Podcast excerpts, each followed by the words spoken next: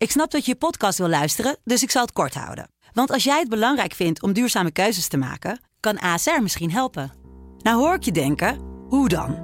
Nou, bijvoorbeeld bij het duurzaam herstellen van schade. Of de premies die we beleggen volgens ons duurzaam beleggingsbeleid. Dat bepaalt waar we wel en juist niet in investeren. Wil je meer weten over welke duurzame keuzes ASR maakt? Ga dan naar asr.nl slash duurzame keuzes. ASR doet het. Zo, dan kan je nu lekker naar je podcast luisteren.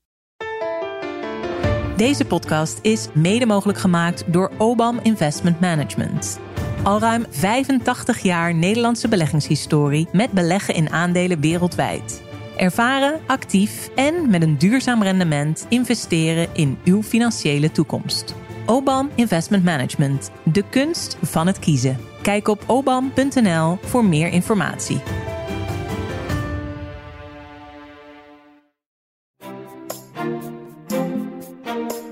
Het interne met box 3 uh, eigenlijk het dossier diefstal genoemd.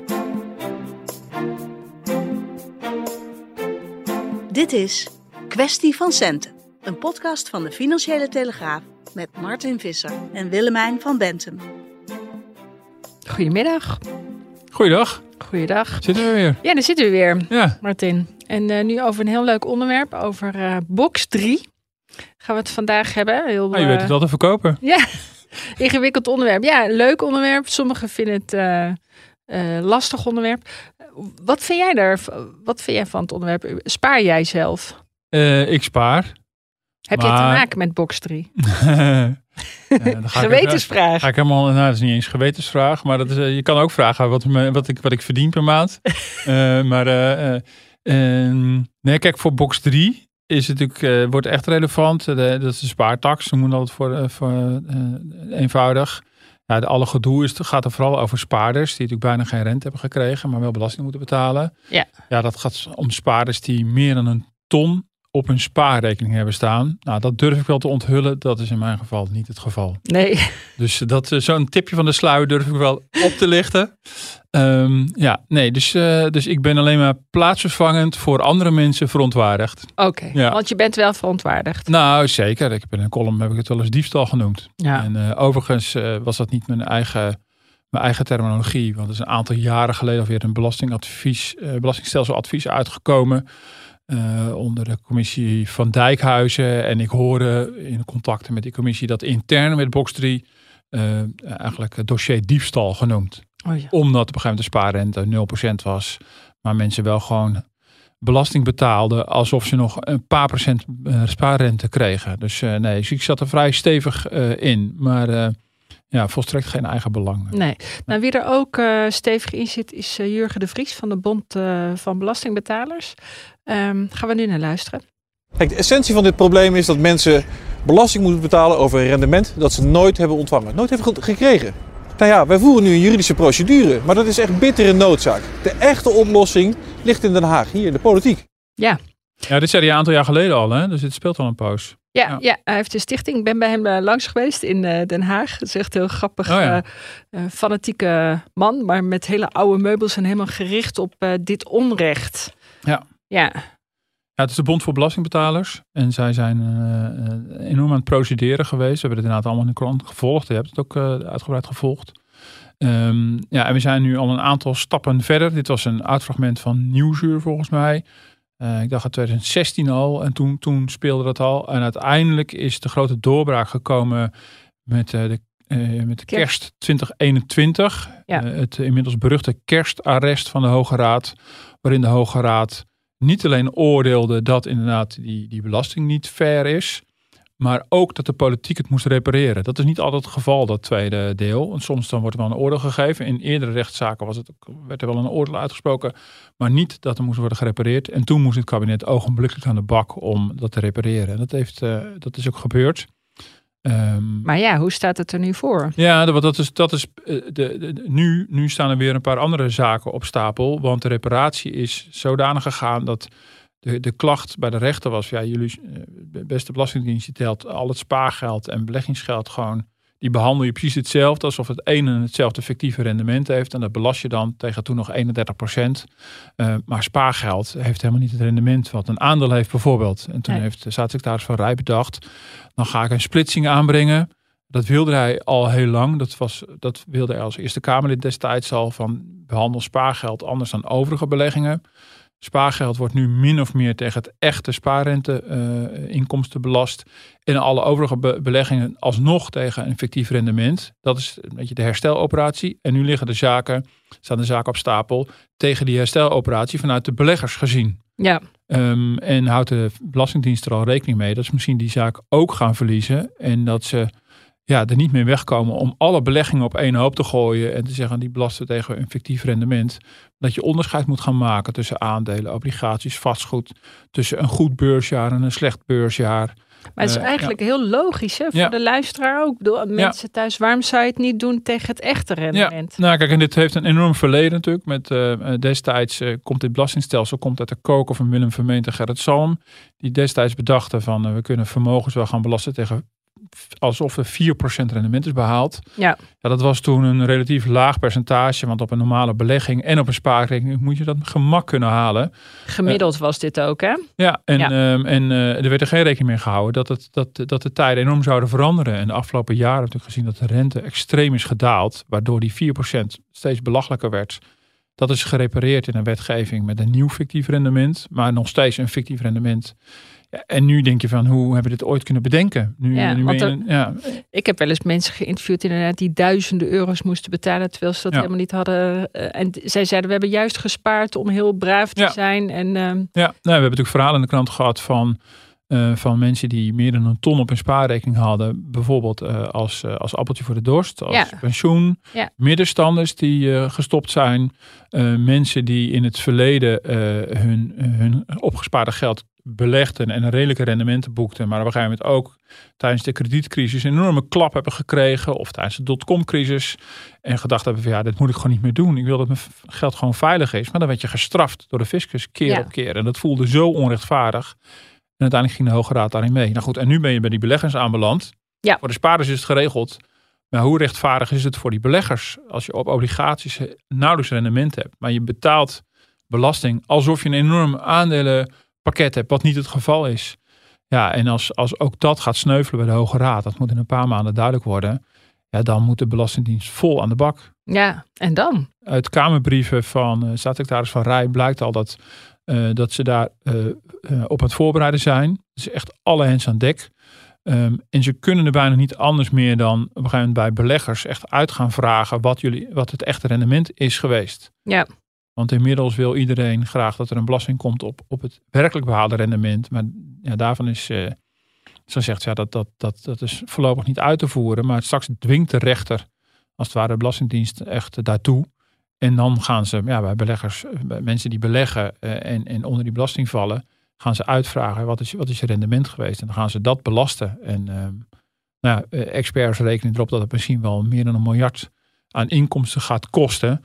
Omdat natuurlijk alleen die beleggers gaan reageren die minder rendement hebben gehaald ja. dan waarvoor ze belast worden. En de beleggers die een beter rendement hebben, ja, die hoor je natuurlijk niet. Die piepen natuurlijk niet. Die denken, ik betaal wel over het fictieve deel. En uh, het zal allemaal wel. Maar dan zou je mogen kiezen inderdaad. Ja, dus dat is, Ja. dat is een beetje het risico. Ja. Dus het is, uh, ja, dus het is voor de, vanuit de fiscus gezien te hopen dat ze die zaak niet verliezen. Maar ja, dit is, ook dit is onrechtvaardig. En het, uh, net als bij die spaarders. Alleen in Nederland zijn er niet zo heel veel mensen die, die heel veel medelijden hebben. Want het gaat om mensen die meer dan een ton hebben aan, uh, aan, aan belegd vermogen uh, en daarvoor aan spaargeld. Dus je merkt ook dat die discussie daardoor ook een beetje vervuild wordt van, uh, ach ja, daar hoef je toch geen medelijden mee te hebben. Die mensen zijn toch hartstikke rijk. Maar daar gaat het natuurlijk helemaal niet om. Het Nee. gaat ook om, Onrecht. om het onrecht. Ja, ja. En, uh, en bedoel, ja. of je nou rijk bent of niet rijk, ik bedoel, ja, om belast te worden voor een inkomen wat je niet hebt gekregen, dat is gewoon onrechtvaardig. Ja, en dat proefde ik toen ook, toen ik dat artikel, die, uh, dat ik die mensen had geïnterviewd, dat mensen zeiden van, nou, dit is, uh, ze hebben toch geld zat. Maar daar zitten ook mensen bij, inderdaad, wat je zei, dat dit hun pensioen is. Ja. Dan is een uh, paar duizend euro toch echt heel veel. Ja, en ik ken die voorbeelden ook wel hoor, van, uh, van winkeliers die op een gegeven moment hun winkel hebben verkocht. En dan, uh, of het pand waar die winkel in was. En, en dan, nou, misschien twee ton eh, daarvan over hebben. Maar verder geen pensioenopbouw hebben Nee. gedaan. Want ze hebben altijd gedacht van mijn zaak is mijn pensioen. En dat was vroeger ook heel logisch om dat te denken. Dat was in de tijd dat je een winkel misschien echt nog kon verkopen. Met, eh, met de hele klandizie erbij. Nou, dat is al bijna niet meer zo. Je mag blij zijn dat je pand in ieder geval geld opbrengt. En dan is dat je pensioen. Ja, dat is dan. En heb je je pensioen eigenlijk een cash geld. En dat klinkt misschien heel onlogisch. Maar dit, voor de, de middenstanders is dat wel heel logisch geweest dat, dat, dat ze dat zo hebben gedaan. Ze hebben dus vermogen opgebouwd binnen hun winkel. En dan krijg je alleen AOW. En daarnaast heb je dus een, een, een hele dikke spaarrekening. Waar je de rest van je leven van, eh, van uit moet zingen. Ja, Ja, en als dan ieder jaar de fiscus langskomt en daar een flinke greep uit doet. Ja, dat voelt natuurlijk ontzettend oneerlijk. En dat geldt voor die beleggers natuurlijk uiteindelijk, uiteindelijk ook. En dan kan je zeggen, ja, maar ze zijn toch rijk, kan mij het schelen. Ja, dat vind ik een beetje een gekke discussie. Dan moet je, dan moet je, daar gaan we later de podcast wel over hebben. Dan moet je natuurlijk kijken van, hoe, wat vinden we van de vermogensverdeling in Nederland? Hier Ja. gaat het in de basis om, we hebben een belasting. Je belast een inkomen, een inkomst die mensen hebben. En ja, als je als je als fiscus maar een slag slaat naar die inkomsten en die zelf ergens op prikt en hij klopt gewoon niet, is het gewoon oneerlijk. nou plus eh, mensen moeten weten waar ze aan toe zijn. Dat Ja. lijkt mij ook eh, fijn. Laten we even luisteren naar Marnix van Rij. Eh, want die man die heeft ook heel wat voor zijn kiezer gehad. Eh demissionair staatssecretaris van Financiën. In een nieuwe stelsel willen we eigenlijk een situatie hebben dat je alleen belasting betaalt over het rendement dat je ook maakt. Maar wat doe je met als een aandeel stijgt? Ja. Of als een aandeel daalt? Nou, daar hebben we heel jaar lang hebben we daar links, rechts, van boven naar beneden dat allemaal uitgezocht. En nu is het kabinet zover om de komende weken, maanden daar een knoop over door te hakken. Ja, Ja, je ziet ook wel eh, hier, eh, dit, gaat, dit was bij op één. Je hoort eh of de Jort Kelder van mij ja, ja, ja tussendoor zeggen. Eh, om het even het fragment te plaatsen. Dat het kabinet is inmiddels demissionair. Toen was dat voor mij nog niet zo, ten tijde van dit interview. Eh, maar het kabinet wist ook wel van ja, een, een, een, een belasting op het echt, het echt behaalde rendement, dat is het meest eerlijk. En inmiddels zijn nagenoeg alle politieke partijen het daarover eens. Van, en de druk op hem was heel groot van waarom voer je dat maar niet in? Maar ja, ehm, regel het maar. ja, regel het maar. En je hebt ook daar veel verhalen over gemaakt. De Belastingdienst heeft nog wel wat op zijn bordje. En heeft enorme achterstanden bij de ICT-systemen. En moet dan dus dit gaan invoeren. Ja, het, het oude systeem was natuurlijk wel lekker makkelijk. Ja.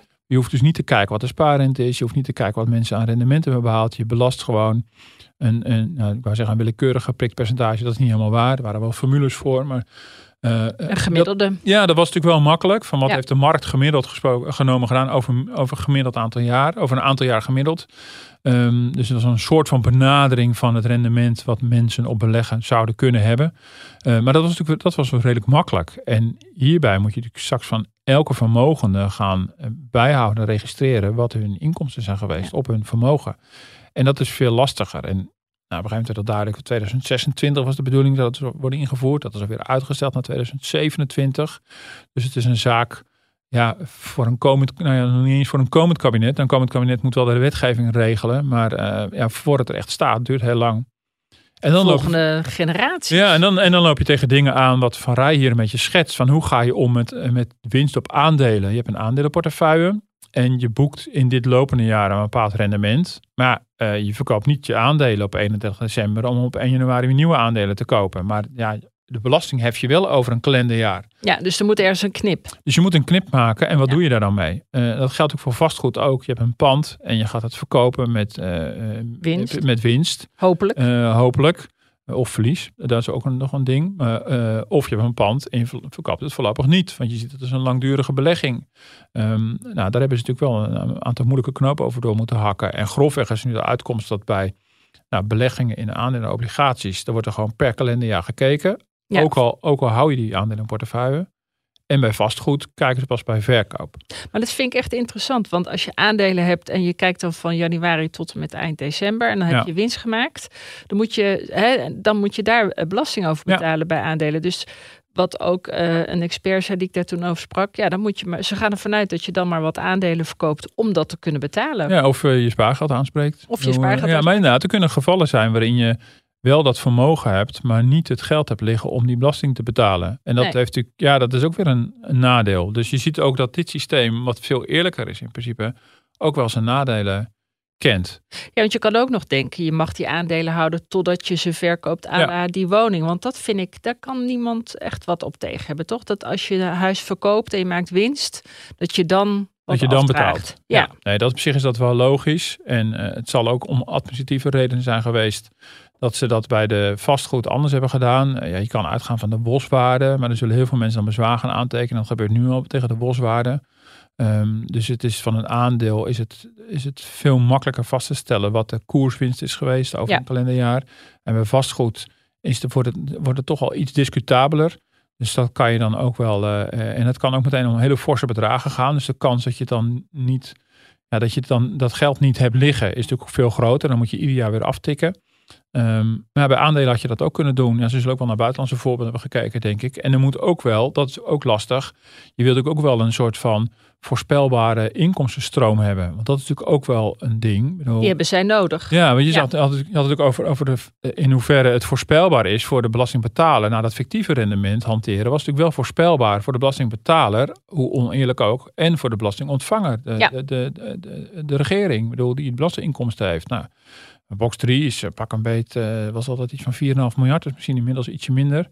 Maar ehm, ehm, dus dat is niet onbelangrijk. En dankzij dat systeem van Vermeend en Gerrit Salm, eh, met, met die rare 4%, dat fictieve rendement, was het wel een hele, hele eh, Stabiele. stabiele inkomstenstroom. En dat, is, Ja. dat belang is natuurlijk ook voor een overheid eh, om dat te hebben. En nu gaat het veel, dat gaat veel meer op en neer eh, bewegen. Ja, en hoe meer elementen van vermogen je pas bij verkoop belast, ja, hoe groter die kans is dat er hele rare uitschieters zijn. Het is een Eh, black box. ja, Black kijk, box natuurlijk, niet, niet iedereen gaat op hetzelfde moment zijn aandelenpakket verkopen. Dus dat zal ook alweer uitgesmeerd zijn over de tijd. Maar ik kan me wel voorstellen dat ja, dingen als een enorme crisis of zo impact kan hebben. Heeft sowieso impact natuurlijk op, eh, op je rendementen, op je vermogen. Maar ook op momenten van de verkoop. Ehm, dus het wordt een veel ongewissere eh, inkomstenstroom voor, voor het kabinet. Maar ja, je voelt aan alles, het moet die kant op een gegeven moment opgaan. Want En wat zeggen experts? Nou, ehm, d- nou ja, die zien wel de, de, de nadelen bijvoorbeeld van, eh, van meteen afrekenen aan het eind van het jaar voor, eh, voor je gewone beleggingen. Dus in aandelen en obligaties. Ehm, Ja, want dus- dat zei, dat zei ook inderdaad een expert. ja, van als je het niet hebt liggen, Ja. als, je, als je het alleen maar in, in liquide hebt, dan moet je gaan verkopen. En dat, dat voelt Raar. Dat, voelt toch wel raar. Ja. En ehm, ehm, dus, dus dat. Maar wat natuurlijk ook heel veel experts zeggen, is ja, je had ook een veel radicalere stap kunnen nemen. Maar dan wordt het alweer politiek gevaarlijk terrein of controversiële terrein. Ja, we zijn wel blijven hangen bij een vermogensrendementsheffing. We willen het rendement op vermogen belasten. Ja, eh, er is ook een argument. We zeggen, we gaan niet het rendement belasten, maar het vermogen zelf. Ja, Dan was het het hele probleem niet geweest. En eigenlijk is het, die oude belasting van gemeente Zalm is eigenlijk stiekem een vermogensbelasting. Maar hij ziet eruit als een vermogensrendementsheffing. Want eigenlijk, nou, wat het altijd was, over je vermogen, eh, zeg eh, een ton, eh, wordt verondersteld dat je 4% eh, rendement hebt gehaald, dus 4000 euro. En die 4000 euro wordt belast Ja. tegen 30%. Eh, dus je hebt uiteindelijk een ja, 4% keer 30% heb je dus een, een belasting van 1,2%. Ja, je kan ook zeggen, je hele vermogen wordt gewoon tegen 1,2% belast. Heb je gewoon een vermogensbelasting. Ongeacht of je de winst hebt geboekt of niet. Maar en ja. er zijn ook partijen, zeker ter linkerzijde, die, die zoiets wel zouden willen. Maar het is een beetje unfair om te zeggen, ja, je hebt eerst al die rechtszaken verloren.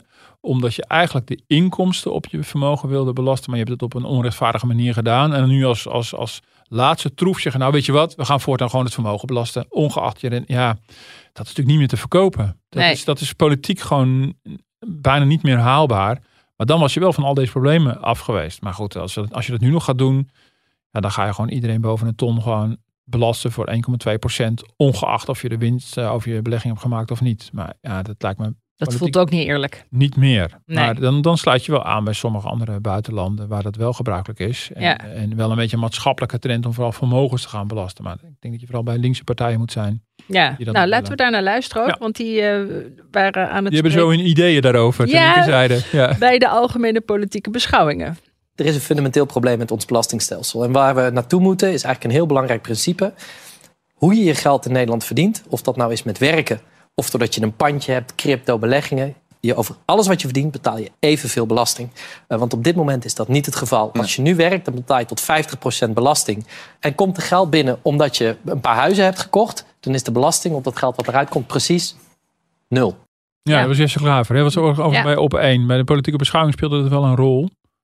Ehm, want je ziet dus dan inderdaad dat er aan, de, aan de linkerkant willen ze sowieso de hoge vermogens gaan aanpakken. Ja, want wat hij zegt, dat, eh, dat hoor je ook heel vaak. Hè? Dat is nu niet het onderwerp hoor, maar dat werken meer moet lonen. Ja. Dat daar wel heel veel belasting wordt gegeven. En als je meer Ja. werkt, dat dat helemaal niet eh, zo heel veel. Nou, dat heeft in die zin wel, eh, eh, werk meer lonen is misschien niet helemaal het onderwerp voor deze podcast, maar dat heeft wel een, een relatie. Want nou ja, je weet het ook, als je fiscalisten gaat bellen, die houden altijd wel van een overzichtelijk en vrij zuiver belastingstelsel, waarin er geen mogelijkheden zijn om, om zijroutes te nemen ehm, en waar in principe dezelfde dingen op dezelfde manier worden belast. Ja. En de redenering van Klaver is die toch wel een beetje van een fiscalist. Die zegt, ja, je kan inkomsten hebben uit werk en je kan inkomsten hebben uit vermogen. In Ja. principe is het allebei inkomsten. Maar waarom gaan we inkomsten uit werk belasten tegen 49,5% in het hoogste tarief? En waarom gaan we inkomsten in- uit vermogen eh, belasten Uit tegen uit, eh, uit 32%? Eh, dat is, nou goed, dan kan je, dan kan je, je kan het oneerlijk vinden. Je kan ook zeggen, nou, het is niet efficiënt of het, werkt eh, ehm, eh, niet de juiste economische afweging in de hand. Het is oneerlijk omdat je vermogen dan een beetje spaart, terwijl je mensen die werken extra belast.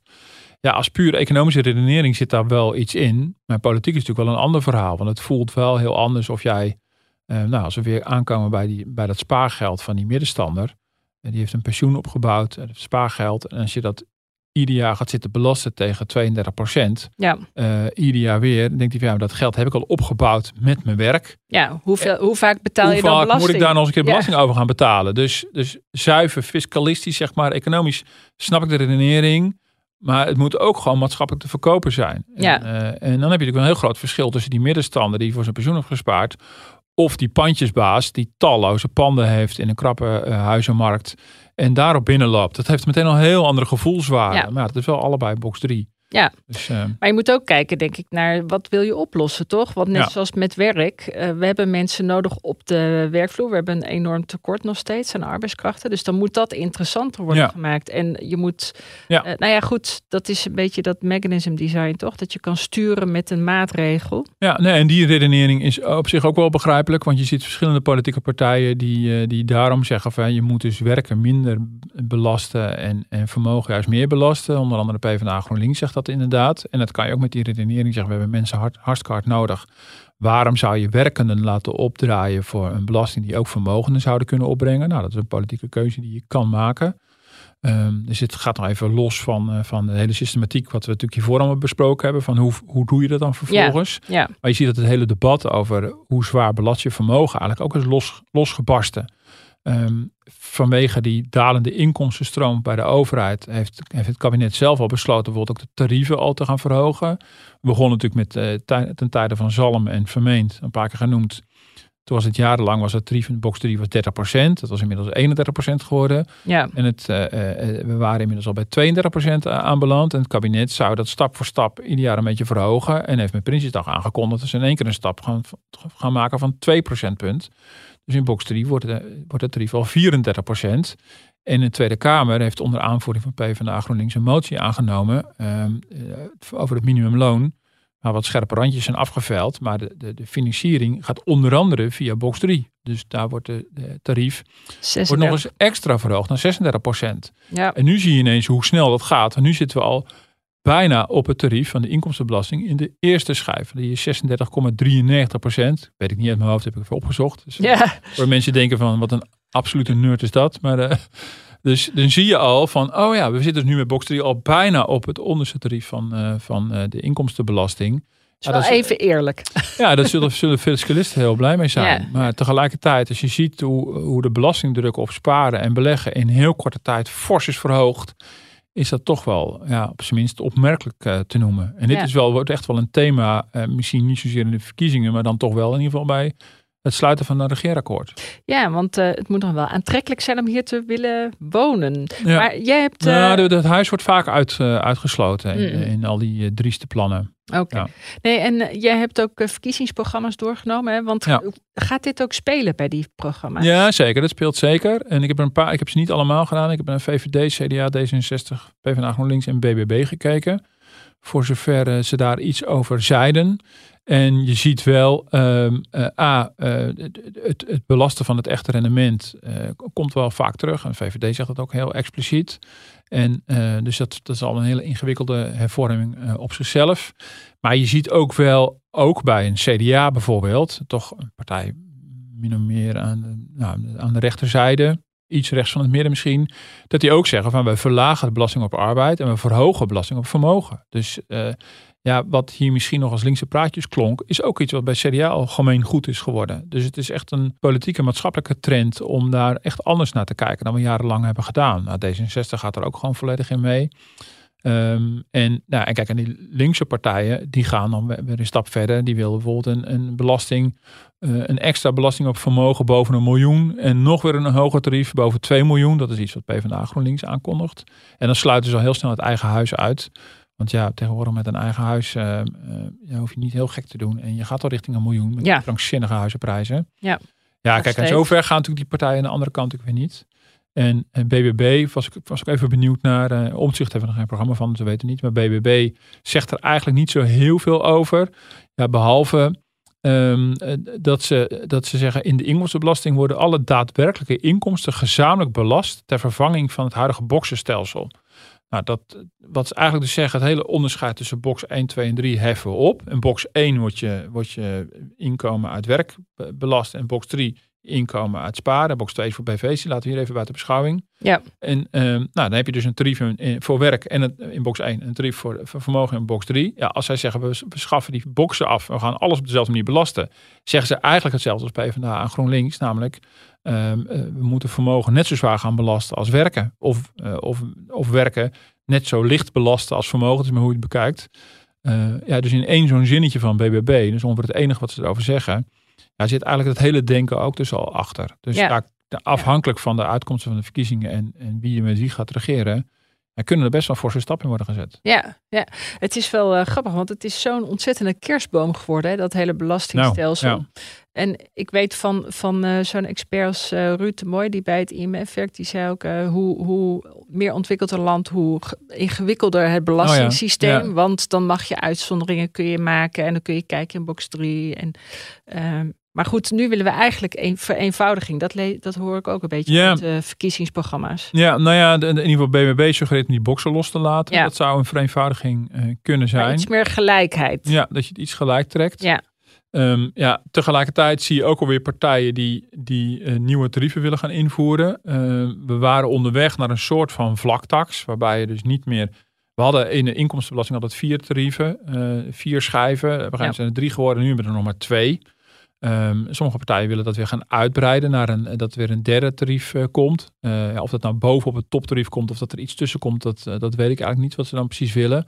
Um, want je ziet ook dat um, ja, al naarmate je minder uitzonderingen hebt, of minder tarieven, of minder schijven, kunnen politici ook minder gaan zitten tweaken. Ja. Bedoel, en dat is ook een hobby. Bedoel, hun hobby is natuurlijk gaan rotzooien met die uitzonderingen, aftrekposten, percentages. Knopjes om aan te Precies, draaien. Precies, want dat is, kijk, weet je, als ja. je straks een regeerakkoord gaan sluiten, dan willen ze dat de koopkrachtplaatjes er een beetje fatsoenlijk uitzien. En ze willen dat het uh, in de doorrekening van het Centraal Planbureau er allemaal mooi uitziet.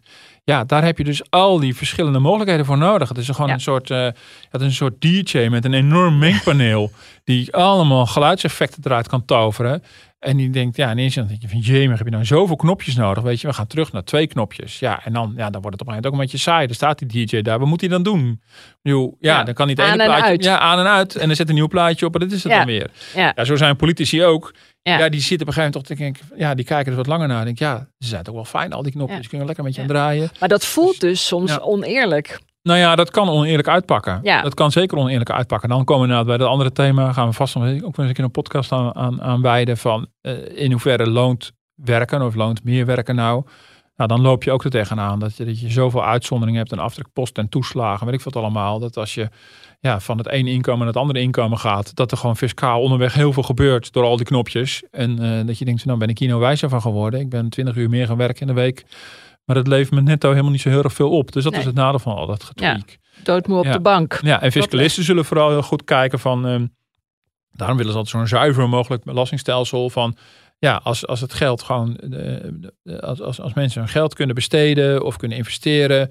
Ja, wordt het dan in alle gevallen op, op, alle, eh, op een gelijke manier belast? Of nodigt het belastingstelsel uit om al die loopholes op te zoeken? Nou, box 2, ik noem het toch maar even de BV. Ja. Voor sommige mensen kan het interessant zijn om hun uh, onderneming daaronder te brengen, omdat het fiscaal nog gunstiger is dan wanneer je als een gewone middenstander in box 1 uh, altijd maar gewoon normaal die hoge tarief betaalt. Dus het lokt ook bepaald gedrag uit. Uh, Ja. En dat is natuurlijk niet, niet de opzet geweest ooit van, van het belastingstelsel. Tenzij het gunstig is voor Nederland. Ja, BV nou ja, Nederland. zeker. Maar dat is natuurlijk altijd het argument van ja, je, je stimuleert op die manier. Nou, bijvoorbeeld de, de hypotheekrente aftrek hebben natuurlijk omdat we eigen woningbezit willen stimuleren. Ja. Want de, de, de, de- we gaan ervan uit dat mensen die een eigen huis hebben daar netter mee omgaan. Ook met hun buurt netter mee omgaan. En we geven mensen kans op een eh, gunstige manier vermogen op te sparen. En zo zijn er tal van redenen. Nou, we hebben een arbeidskorting. Want daarmee gaan we natuurlijk mensen stimuleren om te gaan werken of meer te gaan werken. Ja, en zo heb je, ja, alles heeft ooit een, ooit een goede reden gehad. Ja. En aan het eind snapte niemand ene moer meer van. Maar goed. Ik denk wel eens die eh, staatssecretaris Marks van Rij, want daar kan iedereen wat van vinden, maar dat is wel echt die baan. Wie gaat dat doen? Hij gaat het niet meer doen, Nee. zei hij. Eh, ik sprak hem voor de zomer. er zei zijn vast wel eh, mensen die dat super leuk vinden. Ja, maar Ja. die dat ook kunnen. Het is echt Die dat kunnen. Ja, nee, dat is, dat is wel een verschil. Niet elke staatssecretaris van Financiën was even geschikt. Dat, Nee, dat, nee. dat, dat, dat, dat klopt wel. En ehm, ja, nee, hij was, hij was daar voor mij heel geschikt. Voor mij wordt hij wel vrij, vrij breed wel gedragen. ge- Ja. ge- ge- geroemd ook wel om hoe het heeft aangepakt. En het blijft natuurlijk fascinerend om weer terug te gaan. eh, en een cirkel rond. Nou, waar we begonnen met die box 3. Hij was CDA-senator en was falikant tegen die aanpassing van de, van de box 3. Eh, en vervolgens gebeurt er wat hij destijds heeft voorspeld. Namelijk het hele systeem gaat nat bij de rechter. En misschien nu zelfs de hersteloperatie gaat nat bij de rechter. Wie weet. Maar hij is degene die nu als verantwoordelijk bewindsman wel de rotzooi moet opruimen. Ja. Ja, dat blijft natuurlijk fascinerend. Ja, ja, wie de bal kaatst. Ik weet hem niet of dat Ja, nou, nou ja, nou ja, hij heeft niet de bal gekaast, maar hij heeft hem wel recht in zijn gezicht gekregen. Dus, ja. eh, ja, dus ook dat is een beetje onrechtvaardig. Maar eh, nee, voor mij wordt hij wel eh, vrij, vrij breed ook wel eh, erkend als iemand die echt verstand van zaken heeft. En, eh, maar ja, politiek gezien en uitvoeringstechnisch gezien kan je nog niet heel erg veel. Dus hij kan hooguit voorsorteren op een nieuw stelsel. Ja. Inbox 3 misschien ook veel breder. Er liggen tal van eh, adviezen. Er ligt een bouwstenenrapport eh, van ambtenaren. Dus een komend kabinet moet wel iets, niet alleen met box 3, maar eigenlijk met het hele belastingstelsel. Nou, en daar hebben partijen ja, soms in, in enkele zinnen hele grootse plannen mee. Dus ik ben heel benieuwd wat, het, eh, wat de verkiezingen en daarna het, eh, het, eh, de onderhandeling over het regeerakkoord gaat opleveren op dat vlak. Ja, ja, nou ik denk dat die persoon in ieder geval heel veel geduld moet hebben. En dan hebben we zelf nog de verkiezingen. Maar ben je daar al überhaupt mee bezig? Met de verkiezingen? Ja, ja nu wel. Want nu heb je Ehm, een paar programma's eh Ja, doorgevoerd. maar ehm, ja, nou, ik moet wel zeggen, de, de, de, speelt zoveel. Ja, er speelt heel veel, ja. Dus ik ben de laatste dagen vooral opgeslokt door het nieuws uit Israël allemaal. En ehm, nou, ik ben nog niet helemaal in de verkiezingsmoed. Nee. Nee. Nou, Nee. vind ik het ook wel prima. Ik bedoel, kijk, voor ons als krant is het natuurlijk leuk dat het al sinds de zomer is begonnen. En met Prinsjesdag was het in die zin was het natuurlijk wel begonnen. Maar ik denk gewoon als, als normale nieuwsconsument. We moeten helemaal tot eind november nog een keer. Ik bedoel, eh, om twee maanden lang ook als heel Nederland in de verkiezingskort te zitten. Dat hoeft voor mij nog niet heel erg. Nee.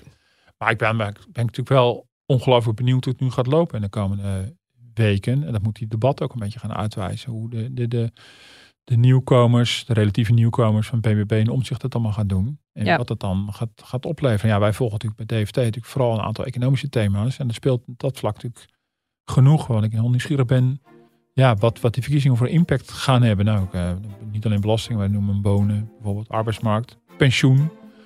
Waar en Werk. BBB ook wat anders in zitten dan, eh, dan eh, de huidige coalitie. Dus, Ja. eh, dus in die zin ben ik wel heel nieuwsgierig. Ik ben echt wel heel benieuwd hoe dat gaat aflopen. Ja, daarom is het ook zo leuk altijd, dat financiële stuk. Want daar komt alles uiteindelijk Ja, terecht. zeker. En we Ja, krijgen natuurlijk nog de verkiezingskranten. Dus, ja nee, die gaat zeker komen. Traditionele Telegraaf verkiezingskrant. Ja. Dus, dus nee, dan eh, gaandeweg komen we allemaal vanzelf wel in de mood. ja. Ja. ik hoop het. Nou, dankjewel. Eh, ja, jij ook Martin. bedankt. En volgende week zit Robert Ophorst eh, Ja. weer. Dus eh, ontzettend bedankt dat je hebt eh, ingesprongen. En we gaan je zeker vaker toch terug horen in deze podcast. Leuk. Ja, heel goed. Oké, tot de volgende keer. Tot de volgende keer.